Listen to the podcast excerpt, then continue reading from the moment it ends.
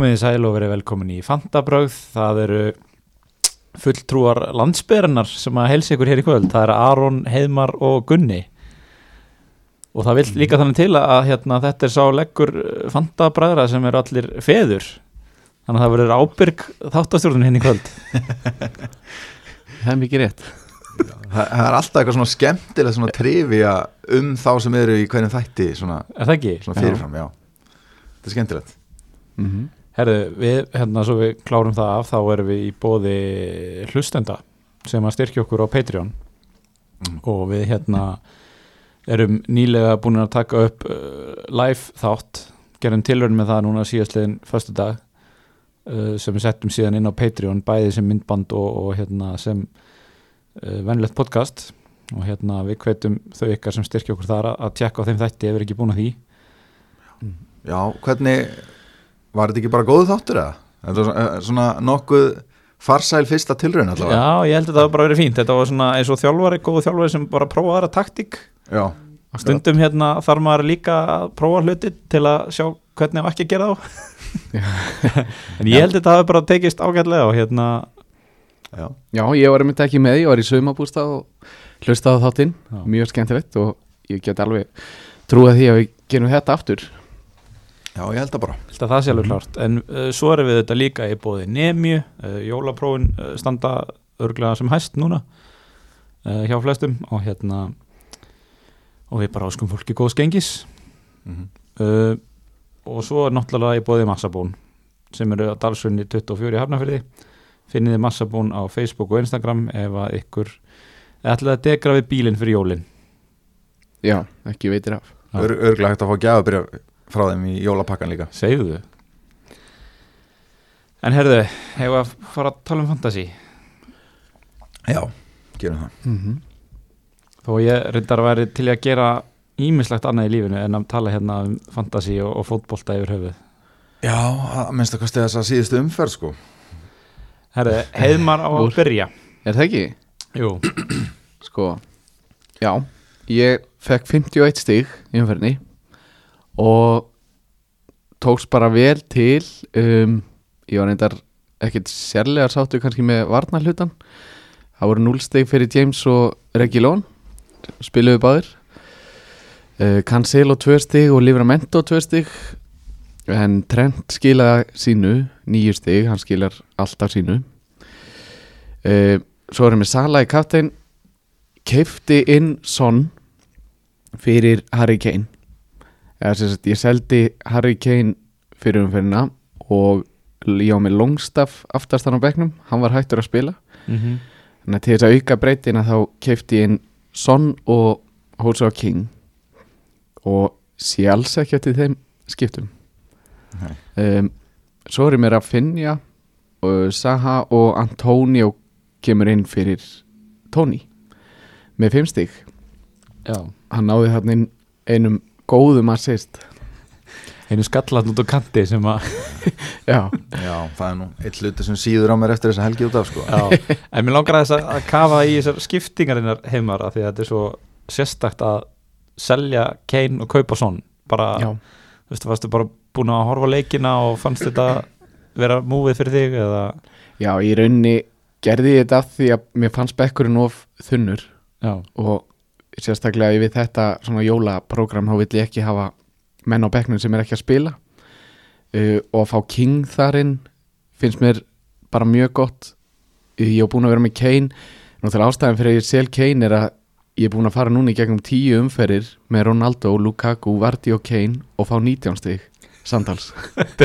Svo hróttalegt sko. Það er 1,9 stig á leik sem er rosalegt sko, ef maður spáir í því. Svo, þegar maður skiptir á millera þá einhvern veginn byrjar hinn að delivera sem maður seldi og, og hinn hættir sko. þetta er einhvern veginn allt búið að spila svona sko. nema, nema að enginn af þessum gæmi búin að delivera. Þú veist, Jú Ronaldo hann að ná þess að tvennum út af sinna ne, og Vardí eitthvað svona einu sinni og einu sinni. Þú veist, maður, maður er að missa af þessum Já, leikjum. Já. en ég er sammála að þetta er bara þú veist, Sala er bara svo eini af þessum premium gæðin sem er að skila almennilega. Ég séu bara þessa umferð. Ronaldo blankar, Kane blankar gegn Norvits og Crystal Palace og Lukaku spilar setni hálfleik og blankar og Vardí sama. Þannig að þú veist, þetta er bara þetta er ekki ásættanlegt. Þetta er eða mörg er þannig að það er ástæðan fyrir þessum skiptum að ég tekin svon ég nefnilega var hrættu við að selja Kane fyrir Norvitsleikin Mhm. þetta er svona kannski sísti leikunum sem maður vill selja svona menn fyrir. Þess vegna fannst mér gott að taka inn svon í staðinn. Mhm. og skila þessi margar því líka horfið, horfið á tóttina spila í umferðin áður og svon var margfalt líklegri til þess að koma í stig og enda skilaði áttarstiðum í þeirri umferð. Þetta er farið að líka svolítið eins og þetta var undir Mourinho sko að þú veist, Kane er að droppa eitthvað niður og stjórna einhverju spili og gefa einhverja svona sending út á kant og svo kemur bolti fyrir og marka einhver annar en hann að skora sko, veist, Já, hann er oft með þriðju sendingu já, ég er bara svo markið. ósáttu með þetta vegna þess að Conte sagði þegar hann tók við að hann ætlaði, ætlaðist til þess að Kane væri inn í tegnum, bara gammur inn í teg sem að nuttar hann með línuna. Það er svona tók ég hann inn sko. Mhm. startu við það sem þú segir gamli. Bara, sé hvað þetta er pyrrandi Þú ert brjálegar já, það er rétt. Já, en, en, svona, náttúrulega ég og Gunni erum hérna uh, þú veist, þeim einn við lína að við vorum væntalega báðir 50-50 á því að hvort maður ætti að kaupa svona eða Kane. Já, endum á Kane og það skjössalega síður á manni. Já, hann er búin að, hvað er með tvö blöng og, og, og spila ekki sagt, hann er búin að vera í liðin manns í þrjára uppferðir datt út eitt leikur vegna snjókomu og svo tvö blöng þannig að þetta er, Mhm. og meðan að Son er bara að skora nánast í hvernig leik. Já ég, ég er nú með eitt blanki viðbót sko, ég var með blanki í það ráður líka sko. Já, en ég meina, þú veist, það segir allt þú veist, Davinsson Sanchez sem er komið með jafnmörg mörg og hann í deildinni, í vetur. Einmitt. Þú veist, eftir 15 umferðir. Já, og er Fred ótrúlegt. með fleiri mörg freddu með fleiri mörg, já, þú veist þetta er ekki eitthvað sem maður er vanur að sjá frá Harry Kane sko, einmitt. Nei, nei, hann er með ótrúlegt. eitt mark og eina stóðsendingu og það í sama leiknum. Já, hann er búin að delivera einu leik. Átti- Já, en þetta er samt sko hann er með betri tölfræði en þetta. Já, þú veist, það, það í rauninni kemur svolítið á óvart hvað hann er með fína tölfræði sko. hann er alveg með yfir 2 í XG í síðustu fjórun leikjum. Þannig að hann er líka búin að vera eitthvað óheppin en ég reynda að sé það ekki þegar ég horfa á leikin ég sé ekki að hann eigi að vera að koma með einhver tvö mörg nei, ég er sammála. En, en þetta segir tölfræðin, hún lígur ekki. Já, nei, varstu búin heimar eða? Já, ég held Já. að um, herru sko s- sko, svo segjum bara stigaskoru upp átt hérna Ásker var með 53 stígum fyrir henni hann er fjárhænandi Trónir á tóknum hann trónir á toppnum í deildinni í okkur 5 það, hann fór sérstaklega fram á það að við færum við stöðunni í þessari deild. Já. uh, í öðru sæti er Gili Tryggvason sem er með, hann fekk 40 stígum fyrir henni líkt og ég og Gunni við vorum þrýr allir með 40 stíg Mhm. og heiðmar svo með 51 þannig að hérna uh, já, Gilver í öðru sæti ég er í þriða sæti Gunni í fjórða og heiðmar í fymta En það stendur mjög tæft fyrir utan það Ásker er svona með gott 30 stíga fórskot á tofnum Já. Að þá stendur restin mjög tæft mm -hmm. Herðu, Gunni, ég ætla að leifa þér að taka við kemlinu Já uh, Það er nú ekkert mikið hægt að telja upp á stigum í þessu liði sko. Þetta er nú óttalegu samtíningur afsaki þetta lítil ræði sem liðið mitt er. Nákvæmlega það sem ég vildi sagt hafa sko. ég er með salakaftin eins og allir í heimi. Hann náttúrulega deliveraði hann á loka mínútinni eitt assist. Síðan er ég með Trent nýju stygg og Mbuemo með óvænt assist. Stundum borgar sig að hafa trú. En síðan sko síðan hérna síðasta leiknum á laugardeginum það var Brighton Southampton. Þá fagnaði ég eins og brjálæðingur á 98. mínútu þegar að Livramento misti clean sheet. Já, og svo fekk ég hann inn að bekknum. Búin að öskra á gleði. Og hérna Antonio nummer 2 á bekkja mér já, og það enduðu allir á að fá Antonio inn að bekknum nema ég. Þú veist, Smith Rowe spilaði ekki þannig að einhverju fengan inn á fyrir hann. Og svo náttúrulega Tony með COVID. Já. Þannig að það fengu allir þetta ógeðslega assist sem átti náttúrulega aldrei að vera assist af því að hann skaut í varnamann og hann var aldrei á leiðin inn að en einhvern veginn þá sögðu þeir að það hefði ekki verið hægt að sjá fullkomlega að boltinn hefði ekki verið á leiðinni inn þegar hann fór í varnamannina því að hann var svo alveg uppið hann sko. Já, þannig að þú veist á einhverju tæknilegu atriði þá dæmist þetta sem assist en, en þetta er svindl. Gunni, þú er svo bitur. Já. Þú er svo rosalega bitur. Já, Já, ég, ég veit ekki hérna Ég, hérna, ég er svo sem í saman báti. Varstu búin eða? Já, ég er búinn, Þa, Já. það er ekkert meira Það er ekkert verið það er, Nei, nei. Herri, já, ég er með 40 stig. Uh, þrem stigum undir average uh, Rauður aðra, aðraðum fyrir röð og er í 380.000 overall. Sko, vörninn náttúrulega hérna, ég er með þessa template vörn Rhys James, Cancelo, Alonso og Trent. Og Trent er eina af þeim sem gerir eitthvað. Uh, svo var ég með Gallagher Smith Rowe, Jota og Sala Sala er kaftin náttúrulega. Og svo Dennis og Kane frammi og ég fæ Antonio inn að bekknum fyrir Smith Rowe og Ramsdale í marki sem náttúrulega já, Arsenal bara skeitt á sig í gær. Mm. sáðu Já. þið leikinn eða? Já, ég held nú að maður myndi ná að landa þessu clean city hjá Ramsdale. Já, þegar var búið að dæma tvö mörg tæft af Richarlison sko. Já, en hann enda á að ná að skora og svo setti grei hann að glæsilegt sigumark já það var rosalegt. Já. stöngin inn. Grey fekk uh, nýju stig með mark og stóðsendingu ekki hann alltaf átti skotið þarna í slánuna þegar að Richarlison skorar. Já, uh, já, Richarlison tekur svont þrjú bónus og Grey ekki neitt. Það er enda mjög þetta bónustiga kerfi heldur áfram að koma manna óvart. Tikkar eitthvað inn þessi rángstæðumarka er það mínus eða viti? Nei, það, það Það bara ekkert. Ég held að ekkert. rétt sko. Það er bara ógilt, það Mm. er ekki eins og það hafi gest einhvern veginn eða svona, veist, það er bara ógilt. Mm. Grey er hérna náttúrulega á 5,5 hann er ennþá með 9,5% eignarhald eftir að hafa verið vinsætlarna í fyrstu umfyrunum Mm. og þetta er svona típiskur gæi sem að fólk verið að fá inn að bekknum vantarlega Já, en hverjir, en er, það er svona hvað er, hvað er eignar hlutfallið hans? 9,5% 9,5, já ok, það er nú eitthvað. Já, Ég held að vera minna. Já, en ég veit ekki alveg hvað ma- þú veist, það er svo svolítið fyndið að, að Kieran Tierney fær sko tólstig að því að hann leggur upp mark og tekin út af áður að fá þessu mörkin. Já, þannig að hann fær klínsítið mm er að spila hérna sinn fyrsta leik bara í einhverjar átta umferðir eða eitthvað tekin út af, þannig að þetta er svolítið, sérstakt en hérna, já við vorum svona aðeins farnir að pæla í Tavares sem var búin að spila marga einmitt, kostar Já. mjög lítið. Mm. en þú veist, Týrinni er það góðu leikmaður að hann var alltaf að fara að fá einhverja mínútur sko, hann er, Einmitt. bara, hann er ekki bara settur í fristinn sko. Nei. Heru, við vinnum okkur bara aftur. En, en hvað með Smith Rowe, er hann meittur? Ég bara eiginlega veit ekki, ég held að Þú ert þetta búin að sé, bara sko hann er náttúrulega svona maður þekkir hann sem svona frekar meðslagjarnar leikmann. Hann má ekkert við rosalega miklu álægi og nú er náttúrulega mest álægið að kika inn þannig að hérna, ég hef ekkert séð neitt konkrétt en, en hérna Nei, ég meina hann var ekki í hóp og ég held að þetta sé bara álag og eitthvað uppsafna sko ég sá kvóti í Arteta um þetta. Já. hann sagði bara að hann hefði ekki getað æft og ekki getað ferðast með þeim og, og hérna, við sjáum bara hvernig þetta fer eða eitthvað, we'll see later eitthvað svona. Mhm, þú eitthvað veist, það bara mjög svona þú veist, ekkert konkrétið mitt eins og þú segir bara, Mhm.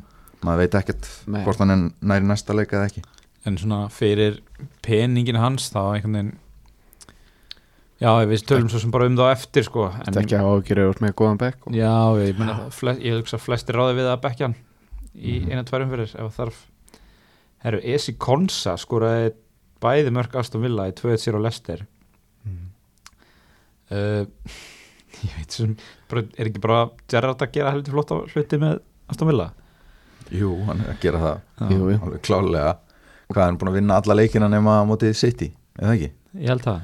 Mm. það er bara mjög gott ég, það er spurning hvernig hvernig þetta verður á Anfield. Hann er náttúrulega að fara á Anfield í næstu umferð. Já, það gæti að orði trikki leiku fyrir Liverpool sko.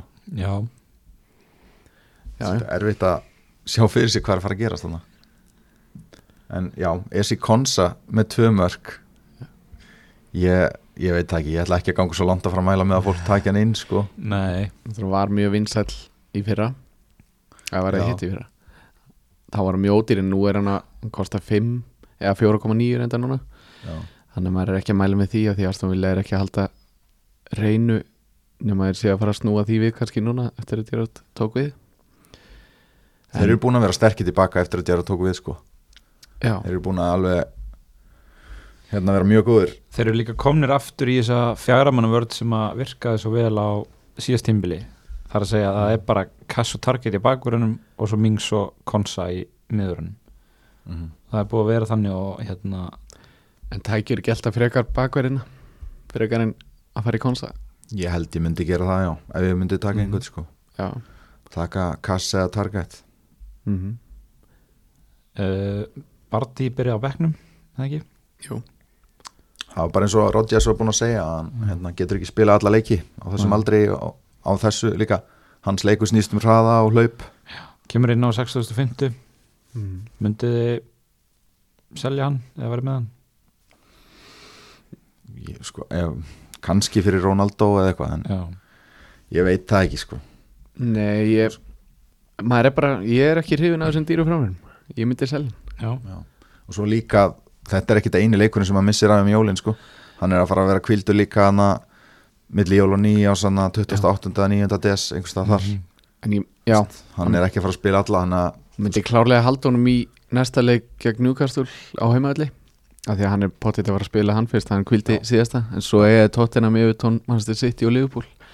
Ok, þannig að ég held að það sé sel eftir næsta leik. Já. Þetta er, þetta var, ég ánæði með þetta svar. Já, það var góð þetta, grein. þetta var mjög konkrétt svar. Mm. Jeps.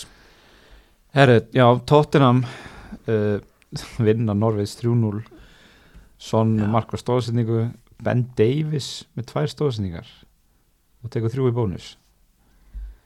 Sko, nú er svona fólk almennt með regjulónu þeir eru báðir með hann ekki? Mm -hmm. Uh, Ben Davis er að gera heldur flotta hluti bara úr miðverðinum já, ég meina, hann hérna skoraði nú nánast mark í Brentford-leiknum. Það ekki? með skalla? man, man ekki eða var það í þessum leik? Nei, það var ekki Brentford-leiknum. Þegar það var sjálfsmark og Mm. munið Son fekk ekki stóðsendingu. Já, já, já, já. Var hann þar eitthvað að lúra fyrir aftan já, þá- basically held maður fyrst að hann hefði skorað og svo sá maður að þeir skölluðu hann hverju annan Brentford-leikmennir Mhm. og hann átti líka annan skalla í þessum leik sem að var hættulegur Mm. og það er rétt náðu að verja. Vist, það er aldrei búið að blása lífi í hann því hann var Já. bara ekkert að spila undir hérna þú veist áður en að Conte kom sko undir núna þannig að Þannig hann var búin að spila í 30 myndur áruna hann kom, hann búin að spila síðustu fimm leiki. Annars ekkert fyrir á tíumbilinu er það, er það möguleiki ef maður getur ekki teikt sig upp í uh, reglun verðilega sér hann er á 4,4 Já, það er þetta hrikala Í- freistandi verð. Sko, ég ætla að segja hart nei. Ég, ég vissi ekki hvað hann kostaði sko. ég vissi ekki að hann kostaði 4,4 það er alveg þess worth it að skoða hann á því sko. já, já. Gunni vissi ekki að það veri aðvendu tilbúð á Ben Davis Nei, ég held bara að hann væri á 5 eða eitthvað sko. Sko hann er inn á sama verði og Livramento er komin á. Og myndi maður ekki freka að fara í í tóttenarvarnamann Jú. Sáðantón með Jú. þetta ég líka einmitt, og þá getur hann líka hoppað inn í bakverðin ef að reglun dettur út sko. Mm. þannig að hérna en náttúrulega Regilon fekk, hann passaði sig að fá guld á hann og fór svo meittur út af þannig að hann skilaði 0 stigum. En hann fór svo beint á Instagram og sagði að það ætti enginn að selja sig í fantasy því að það væri svo stutt í hann að hann ætlaði að koma bara mjög fljótlega. Þannig að og það er fallegt að hann að segja það Já. þá bara hérna, veit Já. maður að því við elskum svona, er þetta meira svona þetta var geggja tvít sko. Mm. Já. en hérna það er eitt punktur líka með Tottenham og það eru f- risastóra frétti frá innan úr þeirra herbúðum það er hópsmitt hópsmitt COVID það eru fréttir af því að það eru 5-6 leikmenn úr aðaliðinu búin að smittast af COVID mm og verða þá ekki með í líklega næstu þremur leikjum í deildinni og við veitum ekkert hvað leikmennin þetta eru en vonandi kemur það í ljós hérna, þeir eru að fara að spila í Conference League hann á 50. kvöldi já, vonandi fá að vita það annarkvort á fréttamannu fundi fyrir leikin eða, eða bara þegar við sjáum liðið já, já, það getur verið að Kane eða, eða Regulon eða Son og, Son einhver af þessu leikmenni getur verið með COVID eða þá einhver bara mjög mikilvægur í liðinu þannig að þessi leikmenni er ekki fara að skila sko. Þú veist, Einmitt. bara þetta er mjög og það er líka verið að tala um kannski verið leiknuð þeirra bara frestað um helgina. Já, já, það er líka möguleiki. Einmitt, maður sá einhverju fréttur um að þeir eru sótt um að fresta leiknum. Þannig að það er hjút sko. já, og hérna og bara fyrst við erum að tala um þetta þeir náttúrulega eiga að keppa við Brighton næst. Og Brighton er held ég með hvað, einn heilan einn, einn leikfaran miðverð Já, þeir eru með hann að þeir eru með Börn og Veltmann sem hafa verið að spila sikkur megin við einhvern sem er í miðjun eða svo í, á köntunum í þryggja manna vörð Já, en síðan er Dunga meittur Duff er í og banni. Duffy er í banni og, og hann hérna Webster er meittur Já, og Veltmann er tæpur. Veltmann er tæpur. Já, Já ok, ég vissi það hann er ekki. með facial injury. Þannig að þetta er Það væ- Þetta gæti orðið veistla ef að, Já. ef að þú veist, Son er heill gæti verið veistla, ég þóra ekkert að segja neitt með Kane lengur Mhm. Ég meina, hann er bara hann er döðið fyrir mér. Já, ég, Þetta er einmitt alveg maður myndi íhuga bandið að færa bandið hans til núna í þessar umferð. Með að við þessar fréttir en auðvitað þurfum við að sjá hvernig þetta fer með COVID-ið. En ef, ef, ef að Son spilar á fimmtudaginn þannig að þú veist að hann er ekki með COVID en hann er kannski fimm aðri byrjunalismenn meittir, nei, hérna með COVID. Myndir þá setja bandið á Nei, ekki að það væri ekki mikilvæg menn, Nei. En, en hérna maður þarf eiginlega bara að sjá á fimmtudaginn hvernig það verður hvaða leikmenn eru, eru með COVID til þess að sjá að því að mér er það mjög freistandi samt að, að færa bandi yfir með hvernig síðasta umferð fór og hvernig Son er búin að vera að spila að reyna að ná inn smá svona differential stígum það er alltaf góð stig. Mm -hmm. Sammála þessu. En það er hérna Emerson Royal og Brian Gill voru báðir frá vegna veikinda í síðasta leik. Já, mögulega voru þeir með COVID Já. og búin að smita eitthvað út frá sér sko. já Tanganga var í hægri vangbakverðið ekki? Uh, Jú, Það, hann komst einu sinni hann upp kanti sem ég sá í einhverju highlights það var nú engin veistla en hvað greið fantasy legendið Matt Doherty? Já, hvað hefur orðið um þann mann? Greið, maðurinn fekk ekki að spila vangbakverðin þegar að hérna, Emerson var frá og Tanganga fekk að vera þær í staðin þetta er segir Rosalegt. bara allt sem segir þarf um hans stöðu held ég. Já, Herðu, uh, Manson United vinnur 1-0 sigur á Krista Pallas í fyrsta leiknum sem að Ralf Rangnick stýrir. Ég ætla bara svolítið að gefa boltan yfir á ykkur. Já um, Ég var að hérna með okkar mann, Saha. Já, sem að ég er svo sem bjóst ekki við einhverjum stegum frá honum í þessum leik. Þannig að og svo sem kom ekkert orð kannski en nú er United að fara að sigla inn í rosalegt program og maður svona var með augun á Ronaldo. Ég sá aðeins eftir Kane skiptingunni því að það er eina sem að ég var að hugsa með hana er að breyta honum yfir í Ronaldo í þessu programi en ég sá ekkert eftir skiptingunni eftir að ég horfði á, á þennan leik. Um, en akkur segir það, fannst þið Ronaldo liðlegur í þessum leik? í mér, já, mér fannst það. Ok, mér fannst bara að hann á að geta gert betur gegn Crystal Palace. Já, mér, mér fannst það fýtt sko. Mér fannst hann hættulegur, hann, hann, Mhm. hann átti fimm marktækifæri margt tilrunir margt tilrunir er reyna að segja hérna. Já, og hann var að pressa, hann spilaði allan leikin sem að mér fannst mjög merkilegt líka. Mm og var að hlaupa mikið og pressa mikið. Mér fannst hann bara að líta nokkuð vel út í þessum leik sko. myndirðu kaupa hann? ég er sterklega að pæli því sko. Ef, sérstaklega ef það kemur í ljósa keina með COVID þá ger ég það eiginlega bara pottið sko. mm það er bara hérna, ég bara þú veist, önnu leið væri að selja hann og downgrade hann í einhvern ódýran og dreifa peningunum út um all liðið já, en þá þarf ég eiginlega bara wildcard sko. þú veist, að því þetta er svo miklu peningar -hmm. og ég er ekki Já. með það þannig að ég bara verða að taka Ronaldo já, já en svo er spurning hvar maður getur fjárfest í þessu liða því að við sjáum bakverðina. Þeir eru hvori er að spila. Luke sjá náttúrulega aðeins meittur en, en hann er að koma ágætlega inn í þetta Alex Tellers og ég get alveg trúa því að Ragnar sé að hugsa um að spila honum. Mhm.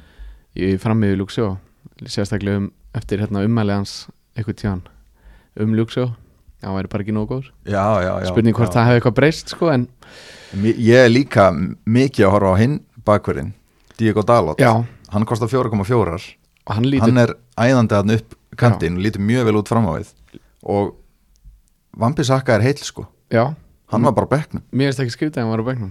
Hann er bara Nei. búin að vera veist- mjög slagur á tímabilinu. Já, Og- þannig að þú veist, mér finnst það hérna, kannski er þá Dalot með plássið, maður veit Já. ekki ennþá hvort að sjó eða, eða Telles er að fara að spila því sjó er meittur eins og er. Mhm. en þú veist, ég er alveg sammála að Telles gæti verið með þetta já, en það er svona aðeins meiri óvisa maður mun ekkit þóra að fara í neitt varnarlega til nema þá Maguire en við erum kannski ekki að horfa mikið þangað Nei, nei, nei. sko hérna bara segjum það eins og það er að hérna Ragnek stilt upp í svona fjórir, tveir, tveir, tveir kerfi þar sem hann er tvo djúpa í Fredum McTominay hann er með tvo sóknar sinna miður með hann í Bruno og Sancho í þessum leik og svo frammi úr Rashford og Ronaldo saman mm. Já, uh, Ragník vill að bakverðnir fari upp og setji vittina svolítið í liði þannig að hann vill bakverðir sem geta farið fram og þess vegna teljum við að hann sé að spila Dalot frekar en Van Bissaka sem er náttúrulega mjög takmarkaður sóknarlega. Já. Mhm. En þú veist, það á ekki að sama við um sjó skilur, þannig að, þú veist mér finnst það vera svolítið óvisa, þeir eru báðir geta verið góðið sóknarlega, sjó mm -hmm. en eins og þú segir, Van Bissaka getur mjög lítið fram á við. Hann er aðalega góðu varnamaður þannig að kannski er hann að hugsa núna Dalot bara sem nummer eitt. Já, Það hefði náttúrulega verið mjög gott ef, við, hérna, ef að þeir hefði verið að spila í kvöld og við vissum byrjunlið að hérna maður, er, er maður að vona að Van Bissaka taki mestradeildarleikin og þá svona styrkir mann í trúni um að Dalot sé að fara að spila í deildinni? Það er hægt að tólka það þannig, já. Já, þetta er kannski allt spurningum bara valkvænt viðhorf. Já, Já. En þeir sem líta kannski best út í þessu liði eru Sancho, Rashford og Ronaldo. En allir ógeðslega dýrir. Að- en Rashford er náttúrulega miðjumæður í fantasy og er að Já. spila upp á topp með Ronaldo. Kostar 9,4 reynda rándýr. En hérna ég er með auga á honum núna líka. Já. Hann hefur ekki verið að skila og ekki verið að spila fulla leiki, hann hefur verið að spila 70 og kom myndu núna í síðustu þremur leikjum og fyrir það var hann að spila bara hálfleik og kom inn og svo leið sko. Þannig að hann er eiginlega bara ennþá að koma eins tilbaka. Það er ég held að maður fylgist með honum svona í kannski næstu tveimur leikjum. Já, svo getur Og- náttúrulega Cavani og Martial getur líka komið að inn og þú veist, Já, þetta er náttúrulega mjög stór hópur sko. já, það er alveg erfitt að treysta og allir fái alla mínútur sko. mm Já, en það er einn leikmaður sem spilar alla leiki sem að ég hérna, talaði um í live miðumæður á 4.9 sem skoraði og fekk 11 stig í leiknum. Assist líka í leiknum þar áður eða ekki? Já, var með 2 assist í leiknum þar áður. Hann er rosalega. Það er svolítið við vinnum okkur hann Fred. Hérna, Þið áttu að, ge- Gunni, þú verður að gera þess meira grína mér hérna í síðasta þætti þegar ég var pælið að kaupa hann. Ha, já, ok, hérna, ég hefði ránt fyrir mig takt hann 20 stigir í síðasta tveim leikjum. Já Nei, nei, það er gaman að þessu og, og hérna Það er gaman að sjá einhvern hura kann taka hann inn og, og setja hann inn á Facebook grúpun okkar. Já, Nei, ég meina, ef mann vantar miðumann á 5 eða undir til að láta einhverja önnur kaup, stór kaup ganga upp ég held að sé margt heimskulega en að ég veit ekki taka um um sko. ég veit ekki um neitt betri miðjumann á 4,9 eða minna sko, Nei, nei, en ég menna þetta er samt leikmaður sem þú myndir líma á bekkinu og þú myndir taka hann inn sko, já, já. Og aldrei losa hann sko. Sumir eru bestir á bekknum, það er bara þannig. Eru Leeds Brentford Rafinha með assist. Já, Mbomo með assist það, hann hefur greiðlega örugglega verið eitthvað veikur kallinn fyrst hann fekk stíg Hann hérna, en, en hérna sá sem var klálega veikur var uh, Ivan Tóni eða Já. Luka Tóni eins og þú kallar hann heim, heimar. já, já. Að hérna hann er með COVID og Já. missir að restu leikjum Mm. uh, Bamford kom inn á skoraði hérna með loka snertingu leiksins já. þú veist, ég veit ekki hvað maður á að segja um en leik Nei, eina sem er bara lýts er að fara í rosalega erfitt prógram sko. já, Þeir eru að fara í Chelsea, Manchester City, Arsenal og Liverpool í Mhm. næstu fjórum Mhm. Þannig að öskrar á mann að selja Rafinha núna það er ekki hægt að skálda hérna, verra program sko, Nei. þetta er bara worst of the worst mm Þetta er það, þannig að ég er allavega íhuga að selja núna Rafinha mm það er náttúrulega fullt af fólki sem tók hann snemma sem er með fullt af valjú í honum sko. þannig að þú veist að það selur hann núna og tekur hann aftur setna getur þú tapað einhverjum peningum á því sko. en myndu, byrja hann Samt ekki sko. byrja hann ekki á 6.5 eða? Jú, hann er í 6-7 núna sko. já, já ok, er hann ekki búin að hækka meira en það nei Nei, hann er náttúrulega að því að hann er að því að mittist og var offarna í eitt leik og svo hálfan eftir það og svo mittist hann aftur í eitt leik hann er búin að vera svona aðeins Já. on-off Já. og það lætur menn svona býðar svolítið, eða staðina í verði Þetta er líka svona típisku leikmann sem margir voru með í byrjun Mm. þannig að eftirspurnin ekst ekkert gríðarlega eftir því sem líður á tímbilið annað en til dæmis Gallagher sem voru rosa fáir honum með en rosa margir kaupa sem lætur hann þá hækka mikið í verði og eitt líka að hann hefur aldrei fengið tíu stiga plús sko. Það er alltaf nýju að minna hann er, það er aldrei svona sprengja skilur Já, já, hann Og- er ónæmið fyrir tveggjast af tölu. Já, en þegar það gerist þá er ekki allir að stökkva á hann á sama tíma þannig að hann hækkar þá þú veist, eins og er með marga leikmenn. Emitt þú veist, standa sem mjög vel kannski tveimur leikjum í röð fá 12 stig og 11 stig eða eitthvað og þá hækka er um þú veist, eins og Bernardo Silva er að gera núna. Mm. þannig að kannski hann er, hann er búin að vera mjög steddir en ekki svona sprengju. Einmitt. Ég er sammála sko. Ef, að, ef maður hefur ekki stærri elda í liðinu þá er alveg fýtt kostur að selja hann. Já, en þú veist það er samt ef maður er með einhverja leikmenn sem er ekki að spila eða er mittir eða eitthvað þá kannski frekar byrja á þeim frekar. Herru, Watford, Manchester City talandi um Bernardo Silva hann gerir tvö mörg uh, tekur þrjú í bónus þessi gæði bara hættir ekki. Hann er komin í 22,6% eignarhald kom, Mm. komin upp í 7,5 í verði hann er búin að hækka mjög hratt úr bara 7,1 upp í 7,5 hann þetta er, bara sjóðandi. Já, þetta er líka leikmaður sem við erum búin að vera að nefna allt tímabilið. En alltaf svona, en samt maður fyrir ekki kaupan sko. Þú veist maður, þú veist í þessum leik hafa með 0,15 xg já, skora tvö mörg mm, þú veist hann er að hérna, þú veist við erum búin að sjá þetta margótt við sáum þetta hjá Lingard í fyrra. Við erum búin að sjá þetta hjá Son í mörg ár. Mm. við erum, sáum þetta líka hjá Willock í fyrra. Þú veist, menn fara bara á svona red hot streak og þá er bara um að gera stökkva vagnin að, að þú veist, þú voru að kaupa mið í lottónum til þess að vinna sko, Mm já, já, en hérna ég ég sé ekki alveg hvernig ég á að ná honum inn í byli sko, þannig að ég verða að láta það býða en, en mér finnst bara mjög góð hugmynd að taka hann inn sko. Já, já, hann er með 90 mínútur í síðustu tíu leikjum, varstu að segja kannski? Uh, Nei, hann er náttúrulega búin að starta síðan bara í umferð 2 alla leiki.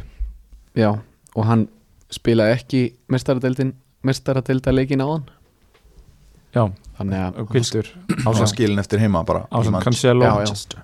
eða ekki? já, þannig að hann er bara öskrar á mann. Já, hvað standi því þessari umræðu Bernardo Silva, Gundogan og Foden hvernig á maður að kaupa?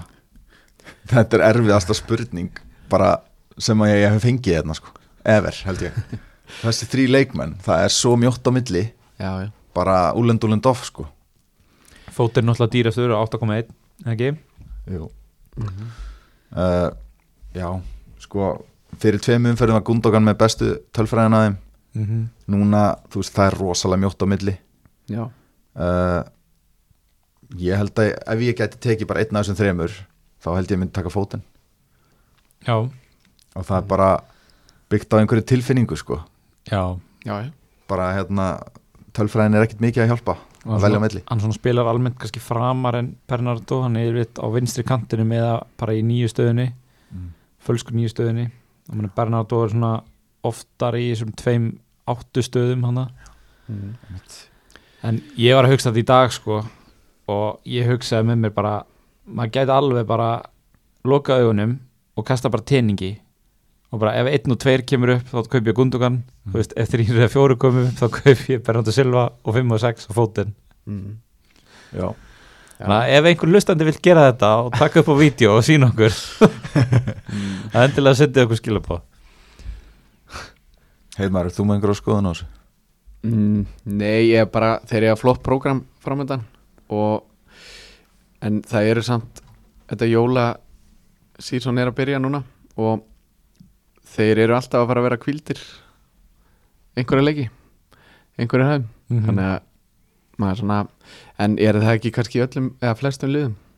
Jú, sko, fjóri leikir hjá einum af þessum mm í þessu prógrami versus fimm Það- leikir hjá einhverjum sem er í lélæra leiði með lélæra hann það er auðvitað bara, bet, já, það er örugglega bara betra að vera með þó hann spila sigurmann, færri leiki já. Þó hann spila einu færri Já, leiki sko. já, það er bara þannig. Þannig að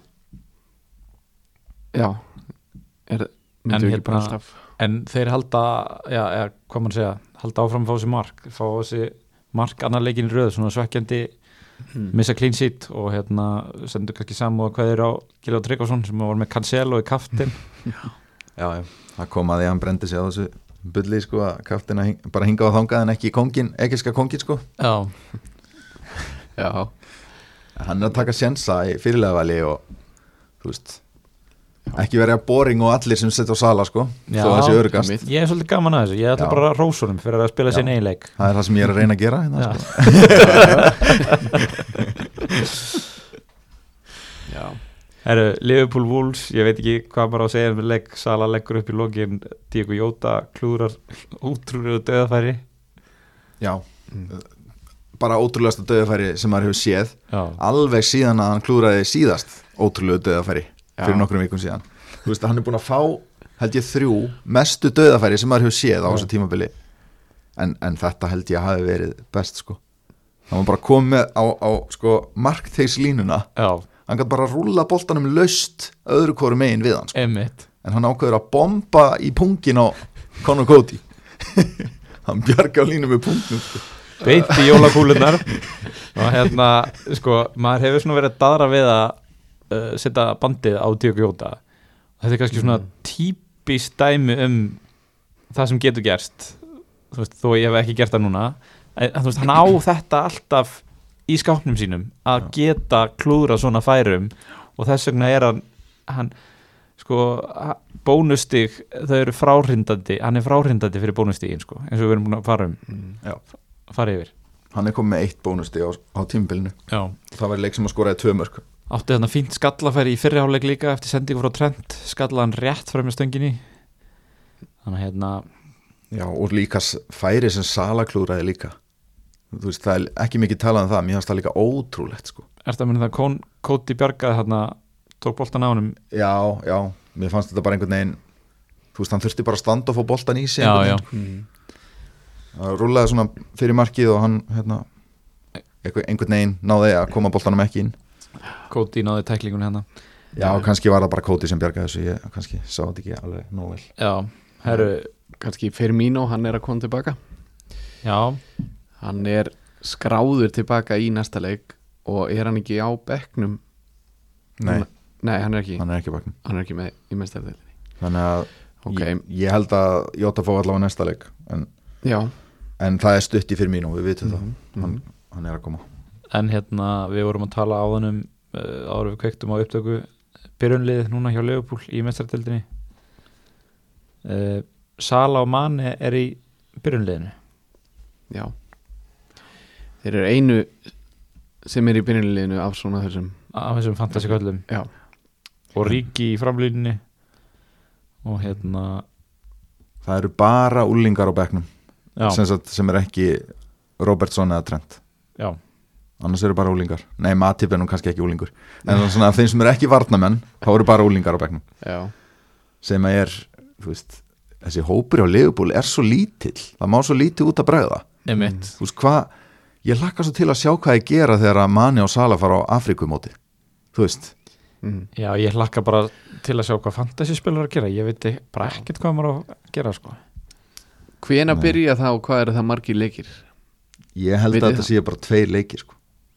Ég held að hann í lok janúar held ég eða byrjun februar annarkvort ok. Og ég sá eitthvað um að Leifupúl var að sækja með einhverja undan þá auðvitað til þess að halda sínum mönnum sem lengst. Þannig að þau taki ekki þátt í neinum undirbúningi fyrir mótið, mæti bara í fyrsta leik eða eitthvað. Þannig að þetta eru bara tvei leikir í deildinni eða eitthvað sko. að, en þú veist, þetta er bara algjörlega fyrstu fréttir, sko, það er ekkert staðfest í þessu. En ef þetta er í loki janúar þá er þetta í Já, í heimsmyndstarkenni félagslega Já, en þetta gæti verið þeir eru sérst spilað þann 23. janúar og svo ekki fyrir 19. februar aftur þannig að þetta greinilega hittir öruglega akkurat á sama tíma Þannig að maður gæti bara að tala um wildcat bara, við erum öruglega að tala um frí hitt eitthvað staðar hérna mögulega aðra umferðina en þetta er eitthvað svona sem að maður það kannski svona fljótlega að fara að huga að þegar Já. maður er að vanandi skiptingar og, og hana þegar það er komið eitthvað staðfest um þetta sko, mm. eins og hvað þetta eru margir leikir og svona á dagsetningarnar á þessu maður er kannski ekki alveg búin að kynna sér Nei. þetta í þaula sko. maður tekur jólinn og spáir svo þessu já, en þetta er svona, ég ætla að byrja alltaf að spá í þessu bara svona mjög snemma mm bara tíu umferðum áður byrjar að plana skiptingar og Þú lætur ekki góðan kvíða fram hjá að fara Nei Nei. Ég leifi honum að koma á Nei, nei, ég er bara ég er að horfa eins og á Chelsea. Um, Ég tók inn Rhys James fyrir þremur umferðum og er búin að fá eitt stig fyrir hann í þremur umferðum. Sama hér. Þetta er ekki eitt stig á leik, sko, þetta er samtals. Það er bara en, virkilega en pirrandi, ég tók á sama tímin Alonso Ég er búin að fá alveg sko þrjú stig á hann Já. í, í þessum þreimleikim Þannig að ég er bara, bara að rústa þessu. Það er þrefalt meira. En sjáum Verður bara velkomin í hver er með fantasy-kallin podcastið Nei, nei, ég er bara Það sem ég er að pæla í með þetta Chelsea liði er að þeir eiga bara ágætis e, program framöndan, þetta jólaprógram þessi næstu fimm leiki svo kom, kemur Liverpool, Manchester City og Tottenham og svo tværum fyrir off. Þannig að maður er alveg byrjaður að plana að skipta út uh, þessum mönnum. Já, svona selja á svona einn að fætur öðrum Já, svolítið. í rauninni Já, Þú veist, við gætum alveg séð double game hjá þeim hana í byrjun janúar til þess að bæta fyrir þessi blank sem koma svo setna já, Þú veist, ég, hérna, ég hef ekkert fyrir mér í því mér finnst það bara líklegt að því að það er oft sett inn double game weeks á þessum tíma sko, í janúar. Við höfum séð það oft. Mm, þannig að ég sé það alveg fyrir mér að þeir bara flýti leiknum í staðin fyrir að senkunum já.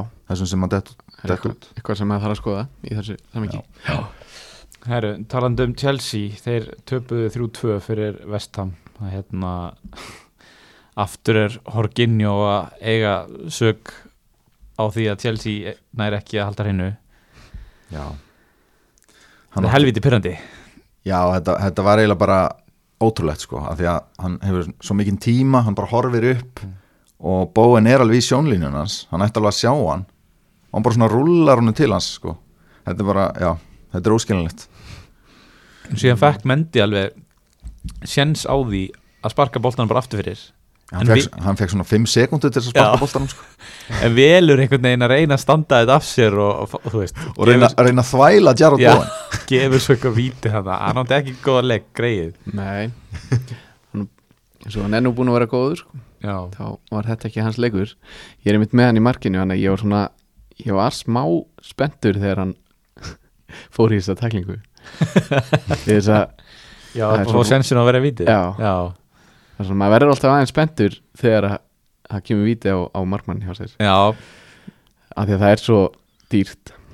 Ja, sérst, annarkvort þess að fara að græða helling Já. eða tapa helling. Þetta er já. algjör stig að sveifla sérstaklega ef hann er með sheet þá þegar sko. já, já, þetta er svona adrenalín fíkla himnar ekki já, ég talaði nú eitthvað um að ég ætti akkurat nóg til að skipta Mbómo yfir í Jarrod Bowen. En ætlaði að býða af mér í eina umferð. Ég hefði betur ekki gert það? Já, hann hérna vá hvað hann lítur vel út. Já, já, ég og ætla bara fyrir, það. með komandi prógram og bara, mm bara geggjaði leikmaður og kostar 6,4 bara mjög ódýr. Og hann hefði getið gert miklu meira í þessum leik heldur en eitt mark og eitt assist. Hann bara leit hrikalega vel út. Klúra einu döið að færi hann að Mhm. rendi sér í boltan var aðeins og setn eftir sendingu frá Antonio. Já. hann er líka búin að byrja í alla leiki á tímabilinu nema einn og ég er að spáði að kaupa hann fyrir að finja já, það er enda mjög sniðut og hérna því að Vestham á mjög gott program framöndan þeir eru með Burnley, Arsenal, Norwich, Southampton, Watford Crystal Palace, Leeds. Þetta er bara rosalegt program hjá Vestam, já, já, þeir eiga mjög góða leiki.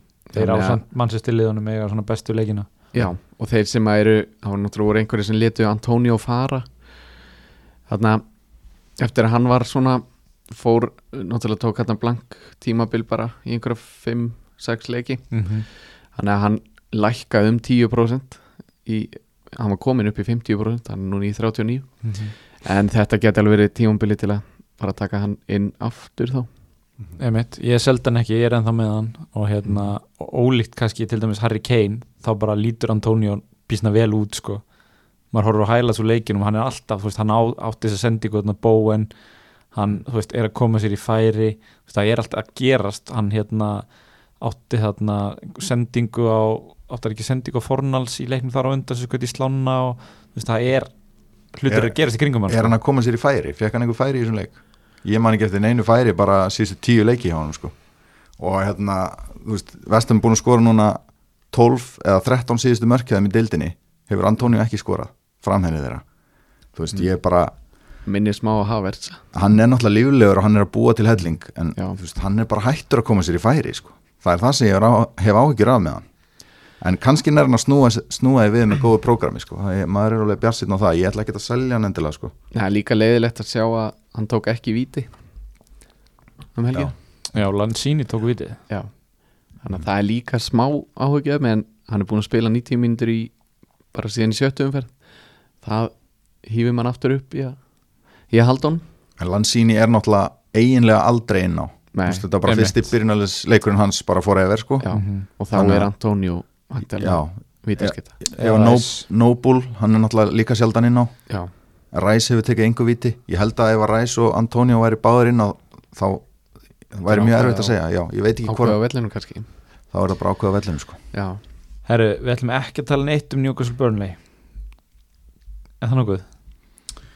Nei, ég, eh, Nei. ég hef ekkert að segja um það sko. allavega. Newcastle leiðin í vond program Já, það er bara Callum Wilson lítur alltaf vel út en bara ríkalegir næstu fjóri leikir Já, já, við sögum nákvæmlega það í live þættinum að það væri Mhm. eitt leikur eftir að góðu programmi hjá þeim og svo bara selja En reyndar þeir eru að lestir í næsta sem er með ömulega varna tölfræði en já, ekki fleiri ónum þá En eftir það, þá er hræðilegt program Já, Í hérna Liverpool, Manchester City og Manchester United Þannig að hérna Já, en Burnley bara ekki á góðum stað mm. uh, Við erum búin að tala um Vestam Chelsea Þá var það bara uppáhaldsleikur þinningunni Southampton Brighton já Já, já, hérna Já, ég var að segja söguna þegar Liverament og misti clean sheetið og ég var, var að fagna og svo fekk ég hann inn á bekknum Já. það var eins og nýfur í hjarta sko. Þessi Mm. Brocha, hann skorar Mark Southampton Kostar hann þá 5,0 mm hann er náttúrulega ekki alltaf að byrja leikina Nei, hann er, hann er að keppa við Che Adams og Armstrong Armstrong um þessar tvær stöður upp á topp en hann er alltaf að skila þegar hann fara að spila sko. þannig að Hann tekar aðeins, hann kom með þrjú mörg núna já, þetta virðist vera bara fínasti leikmaður sko. Er þetta ekki bara fín, Mm. svona ef maður allar að setja allan peningin sinn í miðjun á vörnina fín gæði til að hafa bekknum bara Jú, bara alveg klálega þú veist, besti framherrin á 5.0 eða minna klálega Mm. þar hafið það uh, mesta gerpi í ennsku úrvalslitinni Neil Mopay skorar hann annan leikin í röð, já, tók hjólara í síðasta leik í lokin og skora á 98. í þessu leik hann Já. er bara maður mánaðarins hérna. já, já. En já, ég sá þetta mark hjá honum eða? ég, ég sá markið hérna, já já. hérna, það er aukaspilna og eiginlega um leið og hann er að fara að sparki boltan þá hleypur James Ward-Prowse niður á línu sem bara fer á stöngina eins og þessi hotni eða eitthvað mm -hmm. og hérna, svo kemur skotið boltin fer aftur einhvern veginn út úr tegnum og hann reynir að hlaupa og hérna út úr ránstöðinni sko en næri ekki að vera nógu snöggur og gerir Mopay réttstæðan þegar hann fær boltan já, þetta er bara, sem hefði annars verið kólrangstæður þetta var, hef, já, algjörlega. Þetta var mjög augljóst í mynd sko. já, og bara þarna sér maður, já, þetta er semst ástæðan fyrir því þeir eru ekki alltaf með leikmann á stöngin í aukarspinnum Einmitt. og já, ég var nú eitthvað að rífast í gilvað um þetta, hann var að segja að ef öll lið myndi alltaf gera þetta þá myndu þau komið veg fyrir fleiri mörk heldur en þau myndu fá á sig eins og gerist þarna Mm. þá segir hann, akkur, akkur er það þá ekki bara alltaf gert hjá öllum liðum, akkur er ekki alltaf þá bara tveir menn á stöngunum og, og þetta er ástæðan fyrir því sem sagt, það er að því að þú tapar mjög líklega á því. Já, en þetta var vist út af því að McCarthy markmaður var eitthvað meittur og gæti ekki skuttla sér eða eitthvað, þannig að hann átti að dekka hotnið já og Hassi náttúrulega var brjálar eftir leikin já, já, og sagði bara hérna bara hverslas rugg þetta er hjá McCarthy að hérna að því að hann ætlaði að skipta honum út af held ég. Já, hann átti eina skiptingu eftir. Já. Og hérna en hann segir nei, nei, ég ætla að spila áfram. Ef þú ert markmaður og getur ekki skuttlaðir þá verður þú bara drillast út af. Er það ekki? það er bara jú. fáránlegt bara nei ég, ég, auka spilna eitthvað á, á 98. mínútu. Já, já, og bara, nei ég get ekki skuttla mér ég er bara, en ég ætla samt bara að standa þetta já, já, já. Nú er hérna McCarthy meittur skráður 25% Mm. uh, Freysi Forster er líka meittur skráður 25% þeir eru með uh, Harry Lewis sem þriðamarkmann á 4.0 og svo fengur undan þá núna til að sæna Willi Caballero. Ha, já, meistarinn er mættur af já, hann hlýtur að fara í markið? Já, já, þeir var ekkert að sæna hann nei, setja hann ekki á bekkin en hérna þetta er kannski eitthvað, við þurfum náttúrulega að fá fréttir af uh, markmannamálunum hann mm. til að sjá hversu mikið meittir þessir tveir aðalmarkmenn eru en hérna þetta er kannski já, ef maður er, er með það mikið lúksus að geta breytt um varamarkmann í liðinu sínu, Ben Foster mittur, ég er er allavega með hann og ég hugsa að það líka að hérna og ef maður vill hafa alvöru uh, back yfir hátíðnar þá er þetta einhver pæling A að taka þennan Lewis, eða? já, eða Caballero eftir því hvað hann kostar hann kemur örglín á 4-5 já, ef hann er að fara að spila þá kostar hann ekki 4-0, ég trúi því ekki. En það er alltaf mín uh, ágiskun. Þín ágískun Herru, eigum við að fara í spurningar eða? mm -hmm. já, Uh, byrjum bara á spurningu frá fell og þáttastjórnanda hérna, Kilva Tryggvarsinni Ætla Chelsea að vera lélegir fram með jól? Ítir það ekki undir fræðilega kenningu GT um að lélegu liðin eru betri en þau stóru yfir jól og háttíðir Sko ég skil sem ég ekki eða þú veist það er að skilja þessa spurningu á tvo vegu. Er hann að tala um þá að lélugliðin séu betri sem fantasy kostir eða að þau standi sér betur bara í spilamennsku yfir jólin? Ég, ég skila eins og hann sé að segja sko meira, eða þú veist, að liðin séu betri heldur en þau eru að meðaltali um jól heldur en yfir allt árið, eða þú veist, ég myndi skila það þannig, Lélurinn Ertu að menna það? já, já, já. Já, já. Og betri liðin séu léler en með, að meðaltali um jól. Þú veist, ég veit það ekki. Hvað, byrju, fyrri partunum spurningunum var eru Chelsea að fara að vera lélegir? Fram yfir jól. Uh, nei, þeir eru of góðir til að vera lélegir fram yfir jól. Mm. já og þeir eru bara léttara prógram núna og, og, og um, Lukaku er að koma aftur og þú veist já, þeir sökku í gang sko. já, já. Akkur er sitt ekki halda hreinu? Já, mitt ég búið að halda hreinu þrísasunum í síðustu nýju leikjum. Það er svolítið sjokk fyrir þá sem eru með bæði Cancelo og Díaz eða tvo varnatengili Já, já, það, þú veist ég veit ekki hvað maður á að segja, þeir fá á sig eitt skítamark í leik. Mm. Þetta er samt ekki þannig að maður sé eitthvað að hugsa um að selja Cancelo, þú veist það er alltaf þess verði að vera með hann fyrir þessar 14-17 stiga framistöður sem dettinn hér og þar. En það er náttúrulega, það er alveg slatt af fólki með Díaz og Cancelo. Mm. þannig að þú veist, ég ég veit ekki Díaz er endar allt í hennu bara farin að skora eitthvað hana fyrir utan teig og eitthvað svona. En já, ég, ég myndi allavega frekar vilja hafa aðra leikmenn en Díaz sko. Já, herru uh, Dalot og Telles, við erum búin að taka þá umræðu uh, besta framherja pikki fyrir uh, desember og janúar. Þetta er bara miljón dólara spurningin sko, Já, sem já. engin veit svari við. Það er bara allir framherjarnir kaldir sko.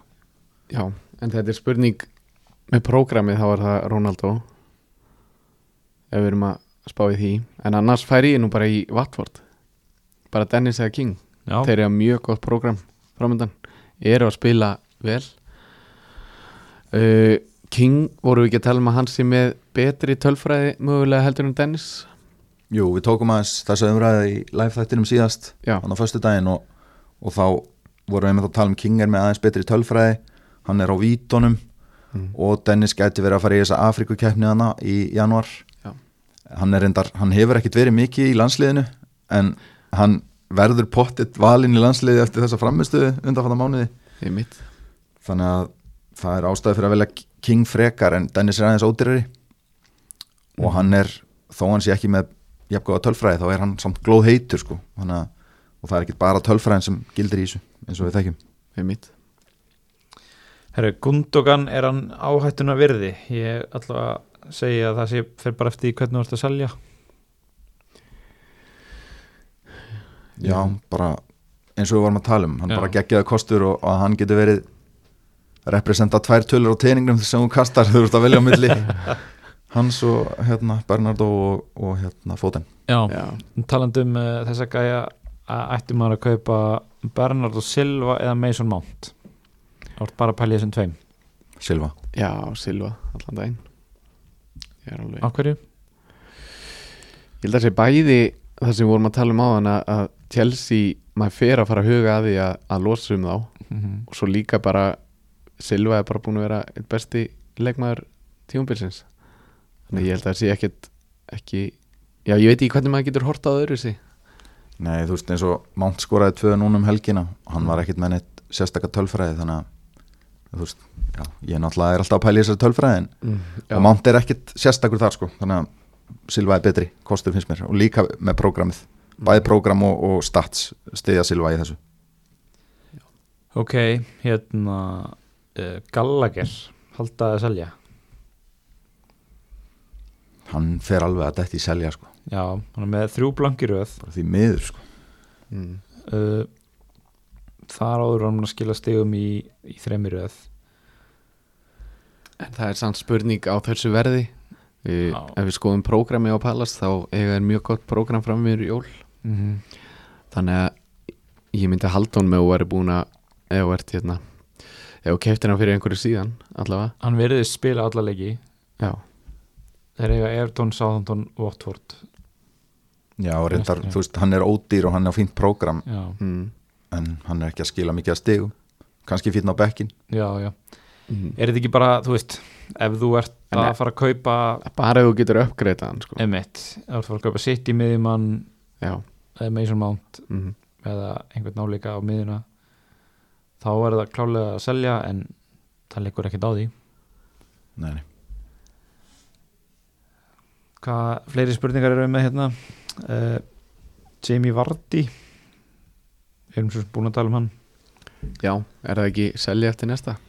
Jú, það var, Það var það var lendingin þar. Það var hvað markvörð mælið við Ramstil já, þessi er svolítið góð.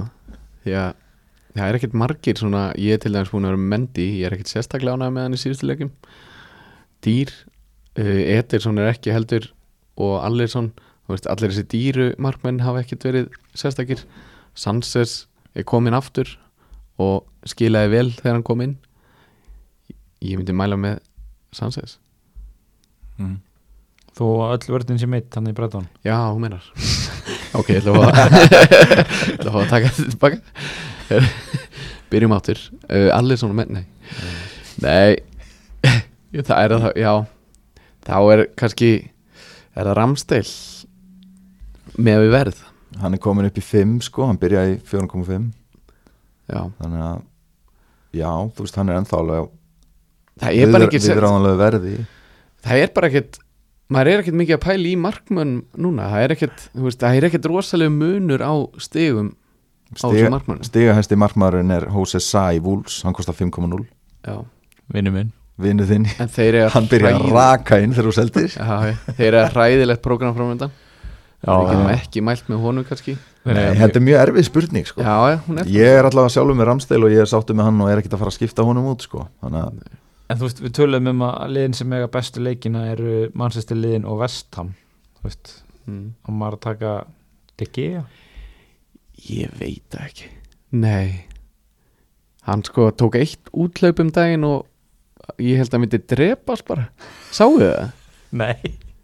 Hann bara, þú veist svona, hann var eins og hann hefði tóknað en hann meittist, sko, hann svona hjælt vel um lærið. Hann fór einu sinni út úr teiknum. Já, það var líka stíja á hann um daginn að samherja og hann lagðist niður og fór að grenja og fekk á sig mark. Já, já, einmitt og það, þú veist, ég er bara ég er ekki hægt að mæla með honum? Nei, er, er, bara, er bara svarað það við erum ekki með svarað þessu.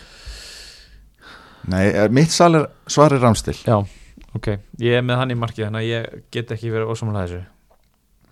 Já, uh, fara úr tvöfaldri Chelsea vörn yfir í tvöfaldri City vörn. Yfir í tvöfald að sitt í vörn? Já, Mm, Nei. Sko ég er alveg að pæli að taka inn James. Ég er með Alonso Ég er að pæli að vera með James og Alonso sko. já, Þú veist, Ég er frekar að pæli að fara í tvöfald að Chelsea vörð sko. já. En hérna Ég veit ekki. Nei, en hvern takkir í City? Annar en Cancelo eða Díaz. Er einhverjir aðri sem góðandi greina það? Bara h- hvernig hann er en Cancelo? Já, ég, ég hef alveg hugsað um það að kaup því að lemna já, já. ég hef alveg hugsað um að kaupa Kyle Walker. Það er endur alveg sko hann var náttúrulega að næla sér í rautt spjald núna í meistaradeildinni í loka leik riðilsinn sem skipti engu máli Já. af því að hann er grjót heimskur sko. Já, þannig að hann fær alltaf kvíld í næsta meistaradeildaleik Mm. Þannig að því leiti er alveg gott. Líka bara einhvern veginn hérna hvað að segja? Volker og Cancelo eru aldrei báðir kvildir Veist, maður sér það ekki fyrir sér. Nei það er, þú ert alltaf örugur um annars spili. Já, er, er það ekki rétt hjá mér eða? jú. Mm. kosta 5.5, hann er ódýrari en til dæmis Díaz. Já, var með stóðsendingu núna í síðasta leik og svona fær alltaf einhver sóknasti á hverju leikti mm. ég veit ekki en ég held að hvað er hann búin að spila mikið? margir aðri sem maður er kannski frekar að hugsa um að kaupa en, en hann. 0 mínútur í þar síðasta leik annars 90 bara já, í síðustu eitthvað, hann er búin að spila alla leiki á tímabilinu nema þrjá. Mm.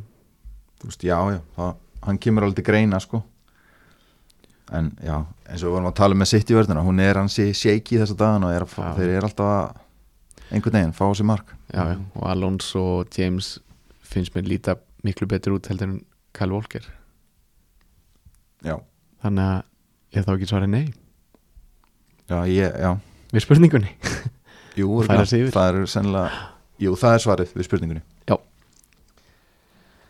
Já, herðu uh, ok, Artur segir hérna er búinn að taka bóen inn fyrir að finja mm. á ég núna að taka mínus fjóra og breyta Kane í Ronaldo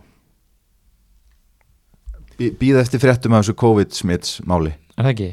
jú Ég, sko, ef að Kane spilar hann að leik þá ætla ég ekki að selja hann af því að Brighton-vörnin er bara fjárverandi sko. Já. þannig að ég ætla að halda honum ef hann er að fara að spila í þessum leik en annars að selja hann fyrir Ronaldo Mm. svo kannski fylgist, fylgist maður líka með hvort Ronaldo, þú veist, ef hann kvílir í mestardildinni þá er maður væri maður nokkuð örugur um að þú veist, þau kaupar þá betri heldur en hann, ef hann spila 90 þar Já, hann, Hann- hann, hann spila aldrei 90 sko. hann Nei. gæti byrjað bara því hann er svo hann er að sækja þetta marka með sko já, já. Mm. en náttúrulega það eina, eina sem væri gáulegt í þessu væri að bara kvíla hann algjörlega en hann er það brjálaður í þessi marka með þetta hann mun spila eitthvað sko já, já, það mun gera Her, þetta er svo mikið að spurningu við náum bara ekki að fara yfir meira held ég. En uh, En er engin með Tony? Spurningu. Hvað á að Mm. gera við hann? Á að selja eða halda eða hvernig á að kaupa í staðin Nei. ég kem með þá spurningu. Þú kemur Já. spurningu, það er gott. Nú er ég, maður er að spá í þessu sko. Mér langar að taka inn báinn fyrir að finja þá er ég ekki aðra skiptingu en á maður að halda Tony? Eða hvað? Af því að hann er að fara í hann verður fjárverandi allavega næstu tvoleiki mögulega þrjá.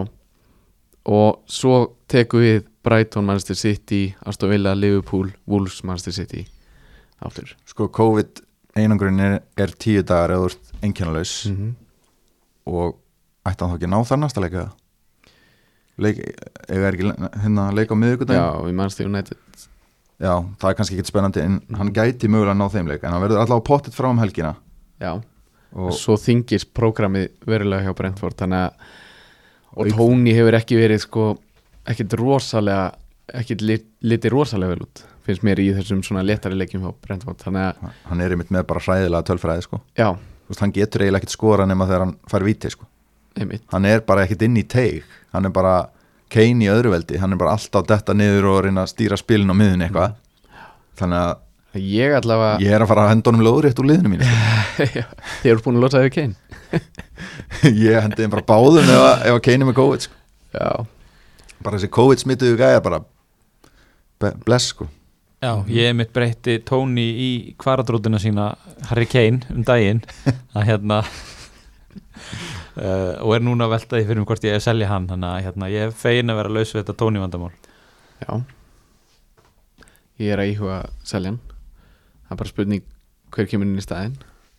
Þú veist, það segir svo margt um fantasy og framherrinni ár að maður er, þú veist ég skil fólk vel að vera bara á ég að kaupa bæði King og Dennis? Já, já, Þú veist, ég íhugaði það er mitt að vera með tvo framherja í Watford. Mm -hmm. En þá ertu með það vandamál bara hvorum ætlar að spila? Ætlar að spila þeim alltaf báðum eða? Þá er, en síðan ertu þá væntalega með pe svo mikinn pening í öðrum leikmunum í liðinu Já, og þú ert nákvæmlega ekki að fara að bekka þá. Þetta eru menninir sem eru á bekkjarverðinu í, liðinni hjá þeir sko. Þannig að þú eru þá bekk einhvern sem kostar 8-10 miljónir sko. Já, já. Og hvernig ætlar að velja á milli þeirra? Þú ætlar að spila öðrum og bekkja hinn? Mhm. Já. Það er ekki hægt. Nei, Nei, nei, ég held að við sért alltaf að horfa í að vera bara með annað þeirra og, og mögulega taka inn púki eða eitthvað, mm. eitthvað svona. Ef, að- ef að maður getur uppgreitað uh, Tony Ollie Watkins myndi ég gera það Mér finnst það möguleiki já. Já, Já, Það er alveg koma til greina. Mm Ings, Já. það er eitthvað bakslag í meðslinn hjá Ings þannig að það er aðeins lengra í hann Watkins ætti að vera góður í bíli já, hann fekk færi núna í leiknum helgina fórundar ekki vel með þau en allavega komið sér í þau. Mm -hmm. uh, Herru, síðasta spurningin. Ef þið þyrftu að setja bandi á einhvern annan en Sala um helgina? Son. Það er svon hjá Heiðmari. Ronaldo. Ok ef við þá bara kíkja á liðin okkar fyrir næstum umferð?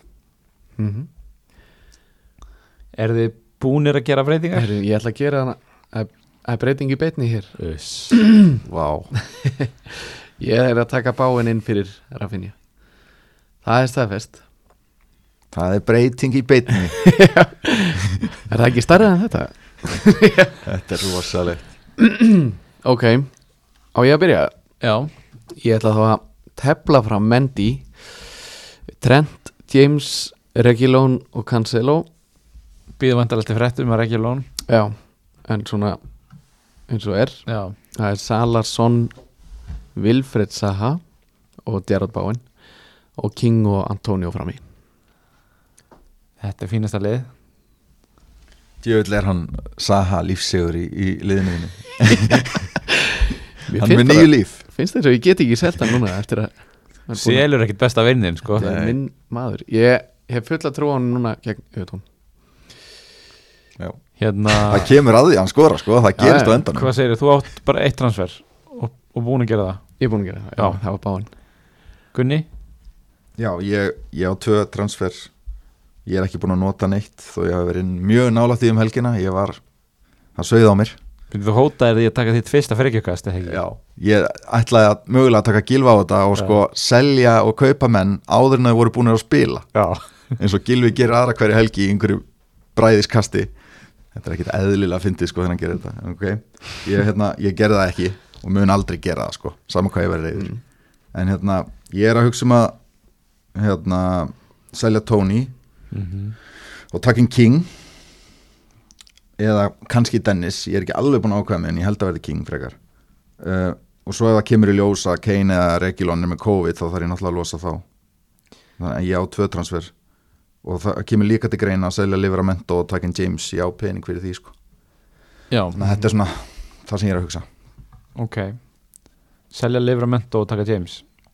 Já, þá er ég með bara fimm sterka í vörð Já. Mm. Uh, bara fyrst við erum að tala um þetta uh, þeir sem eru að að hækka í verði í kvöld og, og Petrinn hlustendur getur þá uh, vitað því. Það eru Ronaldo Bernardo Silva og Dennis. Já, ég ætlaði að taka það fram að báinn er í 97 já, kom eitthvað, hann, Hann hann er mjög að- líklegur til að hækka líka þess vegna tók ég hann núna. Hann er líklegur sko. Annars hefði ég beðið með það fram yfir. Fram að helgi. Og þetta eru auðvitað allt inn á fplstatistics.com uh, ég er búinn að gera eitt transfer. Ég á tvö. Mm. ég hérna sparaði með skiptingu fyrir umferna uh, en ég er búinn að gera þessa breytingu sem ég talaði um að selja Mbomo og kaupa Jarrod Bowen. Mm. og ég gerði þetta ekki að því að hérna, einmitt, Bowen var farin að nálgast að hækkiverði og ég var og ég, ég átti bara akkurat fyrir þessu þannig að ég vildi ekki taka neina sjensa en nú uh, langar mig ótrúlega að breyta Harry Kane í Ronaldo. Þú átt ekki fyrir því? Ég á ekki fyrir því. Ég vantar 0,1 Ég- Það er rétt Gunni. Takk, fyrir að benda á heiðu augljósa. Þetta var svona eins og ég var að fara að vinna því einhver spili og þú veist bara, nei, átti ekki. Ég er bara búin að vera að skoða þetta Þú sagðir ekki ólusin á þann Mátti ekki leggja niður Ég bara sá það átti 0,0 í bankanum Ég vissi að muni 0,1 á þeim. Þannig að ég bara Ég fatt að þetta bara. Æ, Þannig að þú ert í þeirri ömulugu kvöl að horfa á hennan rauða mínus 0,1 poppa upp Já, en ég er nú þekktur fyrir að taka mínus Þannig að ég get vel hugsað mér að taka uh, að gera aðra breytingu samlega þessu til að láta þetta ganga upp. Hvaða breytingu það? Sko, ég var að hugsa um að breyta Livramento í Ben Johnson í vestam Hann er meittur Ég veit, Gunni þú, Þú er svo spenntur. Þú sagðir ekki alveg sen getur þetta ekki, mátti þetta ekki. Að hérna uh, hann fór meittur út af í hálfleiknuna kostar 4,0 vestam á frábært program þannig að ég býð frétt af honum. Hann er samt sko bara mertur 75% Já, í fantasy. Hamstring, það ætti nú alveg að vera eitthvað tími. Já. Og hérna, maður þarf svolítið að sjá hvað gerist í þessari vestamvörn sko, því að og Bonna er frá bara út tímbilið held ég Já, crossband. Uh, nú er uh, Kurt Zuma er mittur Cresswell er tæpur uh, og Ben Johnson núna mittur já Diop spilaði fyrsta leiki sinn á tímabilinu síðasta leik. Ok, hann er á 4,3 ár þú veist þannig að það það þarf eitthvað að skoða þetta en hérna ef, að, ef ég gerir þek, ekki þetta þá er ég jafnvel að hugsa um sérstaklega ef að Alonso er eitthvað tæpur að skipta honum út fyrir einhvern annan vartmann Alonso, já, hann æfði í dag ég sá mynda á hann á Twitter í æfa með liðinu ok. Næ, hann ætti að vera heill þó hann sé gulur í fantasy. Mm. en já, þú veist ekki nema ég bara geri eitthvað ömulegt transfer og reyna að finna einhvern markmann á 3,9 til að taka inn fyrir Ben Foster. Það væri rosalega dýrt. Já, En er ekki þess virðið samt að býða með Kane og spila hún gegn varnalösu brætonliði og taka svo inn Kane? Jú ekki nema Kane sem er COVID þá bara, Nei, Ronaldo meina, já, taka svo inn. Já, jú ég held það sko Já, já, það var alltaf, þú veist, áður en þess að COVID frétti komið, þá var ég búin að ákveða að halda Kane á móti Brighton. Mm. þú veist, bara út af þessum vandræðum í vörninni hjá Brighton, bara gefa þú veist, það er allir að fara að selja Kane og maður er alltaf að leita differentials í þessu. Já, og þess vegna er Báin mjög góðu kostur, hann var í 3,5% liða sá ég í ger og það er svona ástæðan fyrir að maður er að taka hann inn í staðan fyrir að reyna að uppgreita eins og upp í Jóta hann getur verið að fara að skyrocketa í verði sko, bara Já. því að ég held að séu bara allir að fara að taka hann inn, þú veist, prógramið þeirra er algjörlega umturnast. Já. úr, úr ömurlegu yfir í geggjað mm. og leit bara það, það vel út gegn Chelsea þannig að það er akkurat málið og þess vegna maður er að taka inn núna ég er ekki hrifin að því að taka inn, inn leikmenn svona í miðri viku sérstaklega þegar eins og vestam á leik á 50 daginn en maður gerir það núna að hann er að fara að hækka mjög líklega í nótt gæti svo mögulega að hækka aftur fyrir umferðina. Þannig að það er svona ástæðan fyrir maður og líka vestam uh, er búið að vinna reyðilinn þannig að ég er nú vonast til þess að þeir kvíli náttúrulega Antonio kvílir pottet og ég er vonast til þess að þeir kvíli líka báinn og, og fleiri líkil menn ætti að gera það, já. Jarmolenko og félagar hafa verið að spila þarna í þessari eru ekki konferens líka, eru í Þeir eru í Já. það er bara Tottenham sem að er í Conference League. Já, en þeir eru búin að vinna reyðilinn þannig að það skiptir ekki. Já, heyrðu, ég er að íhuga bench boost fyrir hvernig líst ykkur á það? Mér líst ekki það. Ég ætla bara Þú ert með Meitan Smith Rowe Já, og hver, maður sjá bekkin þú ert með Tæpan Smith og Tæpan Alonso. Þú ert með Ben Foster sem er meittur og Livramento á móti Arsenal, úti. Við þurfum bara útskýringar. Já, útskýru þetta, takk Sko, enginn í liðinu mínu er að fara að spila á móti Liverpool, Chelsea og Manchester City. Mm. uh, Sko, mér líður eins og allir eiga svona leik þar sem ég gæti alveg hugsa mér að spila þeim. Nema náttúrulega Ben Foster sem er meittur ef Alonso og Smith Rowe verða heilir heilsu og lítur út fyrir að þeir sé að fara að spila. Þá er ég hreinlega að velta þessu fyrir mér því ég bara veit ekki hvernig ég á að bekka ég gæti Becky Gallagher en ég hef brent mig á því. En þú ert ekki með markmann og þú ert með Livramento út á móti Arsenal. Já það er svona það er eina sem stoppa mig í þessu. Já. en hérna En já, restin lítur alveg ágætlega út ef, ef allir spila. Já, en það er aðalega þessi punktur með að enginn er að fara að spila á móti þessum þreim toppliðum og ég veit ekki hversu oft það er að fara að gerast. Og benchbústi er bara svo mikill hausverkur þú veist ég veit ekki hversu mörg steg ég er búin að fá á bekki núna undafarið Mm. og þegar maður er búin að benchbústa þá getur maður líka svona left sér að velja bara dauða kalla í liðið Já. þú veist, 1-2 af því þá veit maður bara að maður er ekki að fara að nota bekkjakallana Þetta er ekkert skemmtilegur chip eða hvað Já. hva kallum við þetta? spil Spil, þetta er ekkert skemmtilegt spil sko. Nei, Nei, Hitt er miklu, þú veist, frí hitti finnst mér mjög skemmtilegt konsept sko. Mhm. en, en ég er ekki alveg að fíla þetta benchboost sko. maður þarf að plana svo lengi fyrir þetta mitt eins og þú ert að segja sko. emitt alltaf að vera með þetta bak við eirað eitthvað. Það er ekkert skemmtilegt. En eins og ég segi, það, þetta fer eftir því hvort að allir vera heilir og, og, og svo framvegis. Uh, Hvað ætlaði að gera með fyrirleðbandi? fyrir bara á sala. Já eins og ég segja hann ég er alvarlega íhugaðsson e, fer eftir því hvað gerist á fimmtudaginn Gunni, þú ert alveg bara stonefaced, bara, já, bara beint á sala já. Ég hef búin að taka einu sinna á honum í, í vetur og þá fekk hann 25 steg eða eitthvað á Old Trafford þannig gæti hann ekki kvílt bráðum? Nú er hann að spila í mestardellinni erum við ekkert að fara að sjá sjá hann byrja á bekknum? Búin að skora bæði vei já, það ekki?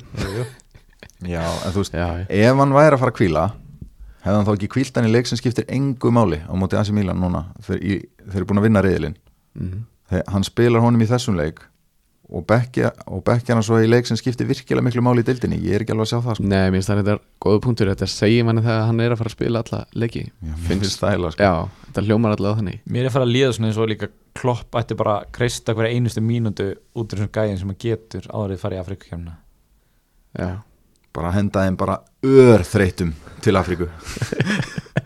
Get ekki staði í lappina sko. Þetta er, þetta er alveg treatment. En já, uh, ég held að sé ekkert meira sko. Vist, ég, ég íhuga alveg að setja bandi á Ronaldo ef ég kaupa hann sko. Já, mér, já, mér finnst hann alveg eini sem kemur til greina í rauninni já, ég reynda líka ef, að- ef að Son er heill og með lið með sér sem getur já, spila já, já, þá kemur hann alveg til greina en, en mér finnst Sala standa upp úr sko. Hann gerir það, maður er bara Ég er allavega í þeirri stöðu að mér langar aðeins að reyna hrist upp í þessu Já. og fá einn stig sem að sem ekki allir aðrir fá. Um það snýst þetta er það ekki? jú, við erum við þurfum að fara að gera eitthvað sko. við erum hann á botninum í í deildin okkar. Já, en svo enda bandið eru glásala Svo endar bandið örgla á sala. Við höfum það loka orðin að sinni og heyrjumst í næsta þætti